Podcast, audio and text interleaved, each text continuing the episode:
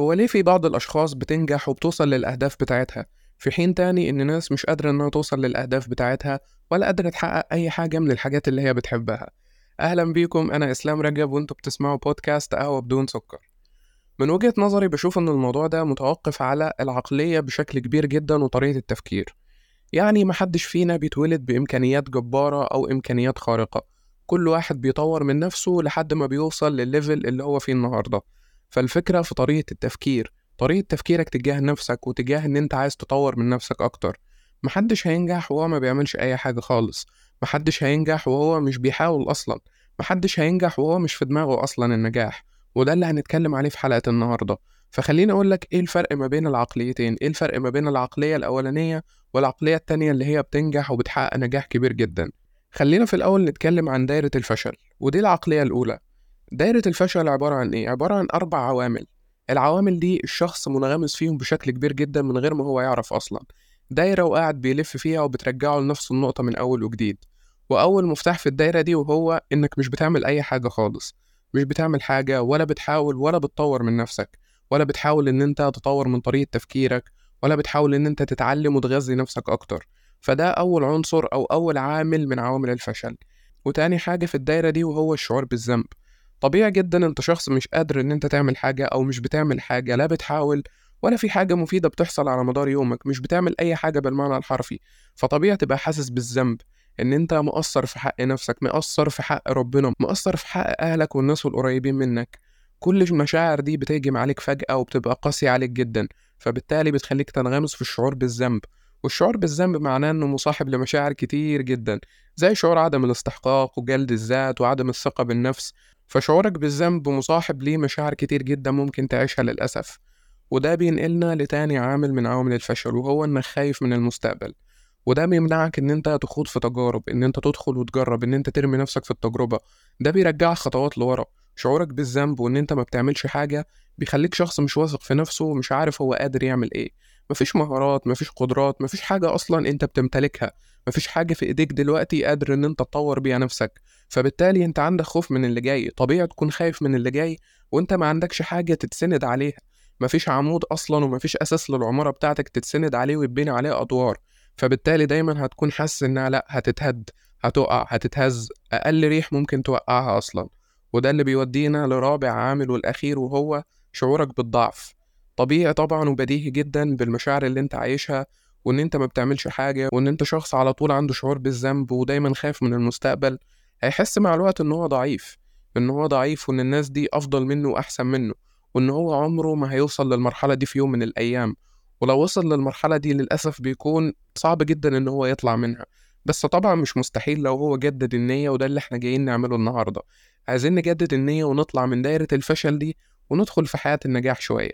خلينا ندوق طعم النجاح كده ونشوف الناس دي أصلا بتحس بإيه. فيلا بينا نشوف إيه العوامل اللي عند الناس دي بتخليهم إن هم ينجحوا ويطوروا من نفسهم باستمرار. بس قبل ما تكمل البودكاست جدد النية إن أنت هتعمل بكل الكلام اللي هنقول عليه النهاردة. مش مجرد كلام تحفيزي هتسمعه كده وتريح ضميرك وتنبسط وخلاص. لا إحنا عايزين نعمل أفعال. عايزين نربط الكلام ده بالفعل. نحط كل كلمة وكل حرف في الفعل ونبتدي إن إحنا نطبق من دلوقتي. وأول حاجة في عقلية الناس دي إن هم عندهم رغبة قوية جدا في النجاح. محدش هينجح أو محدش هيمتلك حاجة معينة وهو ما عندوش رغبة تجاهها. تخيل حاجة معينة كده أنت آه نفسك فيها وكده بس مفيش رغبة أو مفيش دافع يحركك تجاهها. تفتكر إن أنت هتوصل لها؟ بالطبع لأ. مش هتوصل للحاجة دي لأنك ما عندكش الحافز ما عندكش الرغبة القوية اللي تخليك أصلا تكمل وتستمر فيها. فأهم حاجة وأقوى حاجة بالنسبة لي إنك تكون شعلة في الرغبة. خلي رغبتك قوية تجاه إنك تنجح في الحاجة اللي أنت بتحبها. خليك عنيد معاها وتمسك فيها امسك فيها بإيدك وأسنانك. ما تتخلاش عنها لمجرد محاولة فاشلة أو محاولتين أو ثلاثة أو أربعة أو حتى عشرة.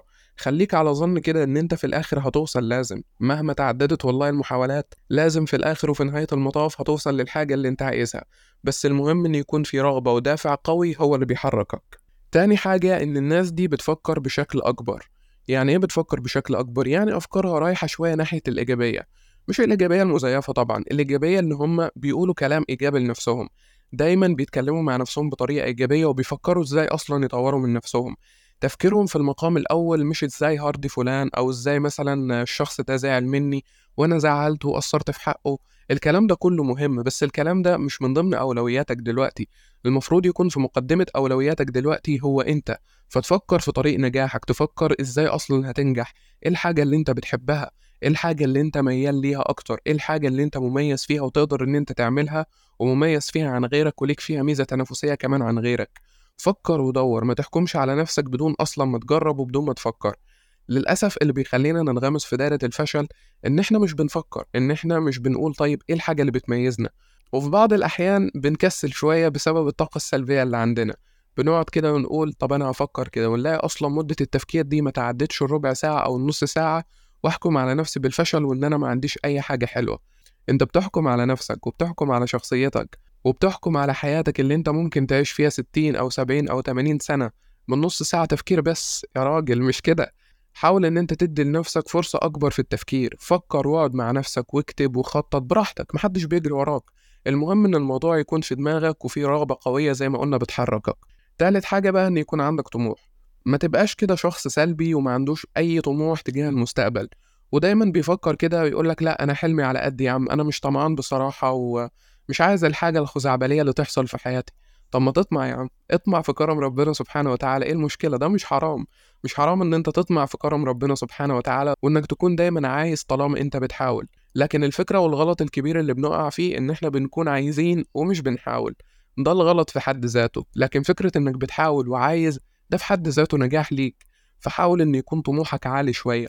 فكر في الحاجات اللي انت عايزها وفكر نفسك بيها دايما باستمرار.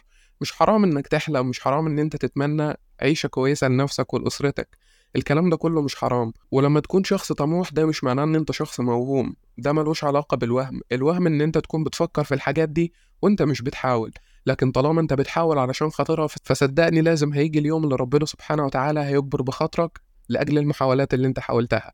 ومن هنا بقى نيجي الرابع نقطة وهي ترتيب الأولويات. معظم الرسائل والكومنت اللي بتجيلي بلاحظ منها إن الناس مش مرتبة أولوياتها يعني لخبطة الحياة ماشية بشكل عشوائي شوية بنفضل دايما راحة الناس النفسية على حياتنا إحنا. بنفضل إن إحنا نرضي أصلا كل الأطراف اللي حوالينا ونديهم من وقتنا وننسى نفسنا خالص. والكلام ده غلط. إزاي هتنجح وإنت مش مدي لنفسك أولوية أصلا لنفسك؟ إزاي هتنجح وإنت مش عارف إيه المطلوب منك تعمله النهاردة؟ إزاي هتنجح وإنت بتفكر إزاي ترضي الناس وإزاي ترضي كل الأطراف اللي حواليك وسايب نفسك؟ نفسك فين من كل ده؟ فين الحاجات اللي هتعملها علشان تطور من نفسك؟ فين المهارات اللي انت حابب تتعلمها علشان تطور من شغلك؟ فين العادات اللي حابب تزرعها في شخصيتك علشان تطور من عقليتك أكتر؟ الكلام ده قادر إن هو يتحقق لحقيقة وواقع مش وهم بس الفكرة إنك تاخده على محمل الجد وتحطه في الفعل. لكن ما تسيبش نفسك كده للتحفيز وإن أنت تتحفز دقيقتين تلاتة أربعة كده وخلاص أنا مش هعمل أي حاجة من الكلام ده. حط الكلام ده في الفعل وجرب. ادي لنفسك وقتك وجرب. وحاول على قد ما تقدر إن أنت ما تحكمش على نفسك. أنت بتظلم نفسك لما بتحكم على نفسك من خلال فصل بيحصل في حياتك أو مرحلة معينة أنت بتمر بيها في حياتك. دي مرحلة أو فصل مؤقت هيحصل في حياتك مش حياتك كلها. فحاول على قد ما تقدر ترتب أولوياتك ومش عيب ومش عيب ومش عيب إنك تكون في مقدمة أولوياتك. خامس حاجة بقى إنك تكون بتحب الحاجة اللي أنت بتعملها. أنا عارف إن بيجيلنا أوقات كده أو بتجيلنا فترات بنضطر إن إحنا نشتغل في مكان إحنا مش بنحب أصلا الوظيفة دي أو مش بنحب أصلا نختلط بالناس دي علشان إحنا مش متفاهمين معاهم. الناس دي بيضرونا الناس دي بيعملوا حاجات كتير وحشة.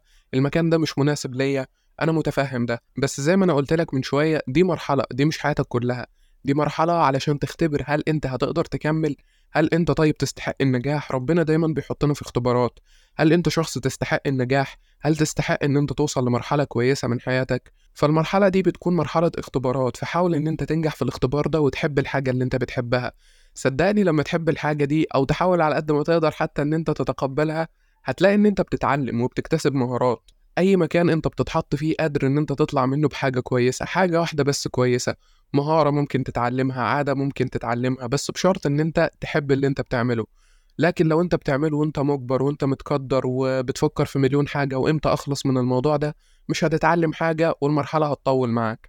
لكن لو قدرت إن أنت تتأقلم معاه وتحب الحاجة اللي أنت بتعملها دلوقتي هتعرف تتخطاها بسرعة جدا وهتتعلم منها كتير. وهتتكلم بعد كده عن الفصل ده إنه كان فصل جميل جدا في حياتك وبسببه اتعلمت حاجات كتير جدا. سادس حاجة بقى إنك تطور وتغذي عقلك. دايما اقرأ مقالات ثقف نفسك اقرأ كتب استبدل عاداتك السلبية بعادات إيجابية حاجات تطور من شخصيتك حاجات تفرق معاك وتخليك تتطور أكتر.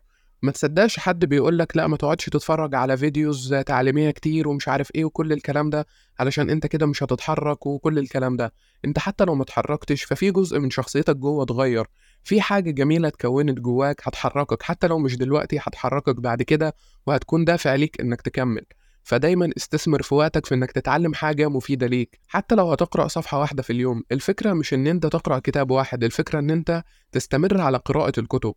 إيه الفكرة من شخص مثلا قرر إن هو يقرأ وقرأ كتاب واحد بس وما قرأش بعد كده تاني؟ هو كده ما استفادش أي حاجة خالص لكن الشخص اللي مداوم بشكل مستمر على القراءة وإن هو يثقف من نفسه ويطور من نفسه ويبحث في المجال اللي هو بيشتغل فيه يطور من عقليته كل ده هيعود عليه هو. حتى لو المكان اللي هو فيه مش مقدره فهو نفسه بيكتسب مهارات وحاجات جديدة هتساعده إن هو يتطور. فما تبخلش على نفسك بالتعليم ابحث في الحاجة اللي انت بتعملها دلوقتي ودور وطور من نفسك فيها. حتى لو الحاجة دي صغيرة فهي هتعلمك مهارات أكبر هتساعدك بعد كده. سابع حاجة بقى تقبل النقد. حتى لو النقد ده جالك على هيئة كده كلام سلبي أو كلام وحش انت مش بتحبه حاول على قد ما تقدر إن انت برضه تتقبله وتاخد الحلو اللي فيه. صدقني النقد ده بيكون مراية لينا بنقدر نشوف حاجات إحنا ما كناش شايفينها في شخصيتنا. ومش بقولك تاخد الكلام كله على بعضه كده وترميه على نفسك. خد الكلام المفيد منه اللي هتقدر تطور من خلاله شخصيتك وارمي الباقي كله ورا ظهرك. ما تاخدش الحاجة اللي هتسبب لك إحباط أو سلبية في أفكارك خد الحاجة اللي هتساعدك إن أنت تتطور. في ناس كده في حياتنا بيكونوا مراية لينا حتى لو كانت طريقتهم غلط بس بنقدر برضه نستفيد من الكلام اللي هما بيقولوه. فحاول تاخد الحلو من كلامهم وتتقبل النقد. وتقبل إن مفيش حد فينا كامل مفيش بني آدم كامل كلنا عندنا عيوب كلنا عندنا نواقص. الشخص نفسه اللي بيقدم النصيحة هو عارف إن عنده نواقص في أمور كتير جدا.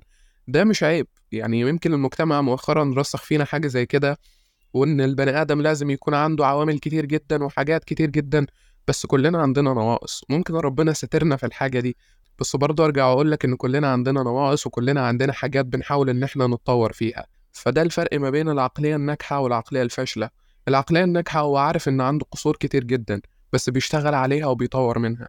لكن العقلية الفاشلة هو عمره ما هيطور من حاجة لأن هو حاطط نفسه في دايرة وبتلف.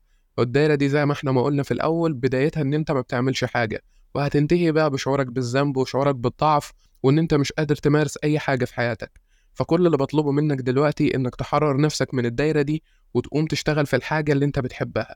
أو الحاجة اللي مفروض عليك في الوقت اللي أنت فيه علشان توصلك للحاجة اللي أنت بتحبها. جدد نيتك كده تجاه ربنا سبحانه وتعالى بإنك هتبتدي تحاول من جديد وإن من النهاردة فصل جديد في حياتك. أنا عارف إن الجمل دي بتكون ملهمة بالنسبة لنا وتحفيزية بالنسبة لنا. فحاول إن أنت تبدأ فصل جديد أو قصة جديدة في حياتك وتكتبها من النهاردة. وحاول على قد ما تقدر إن أنت تعمل ده بانتظام.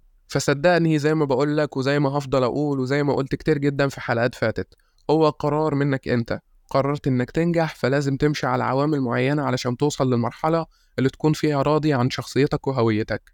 لكن قررت إن أنت ما تعملش أي حاجة خالص فهتفضل زي ما أنت ومش هتتطور في أي حاجة. أشوفكم على خير دايما في حلقة جديدة وبودكاست قهوة بدون سكر.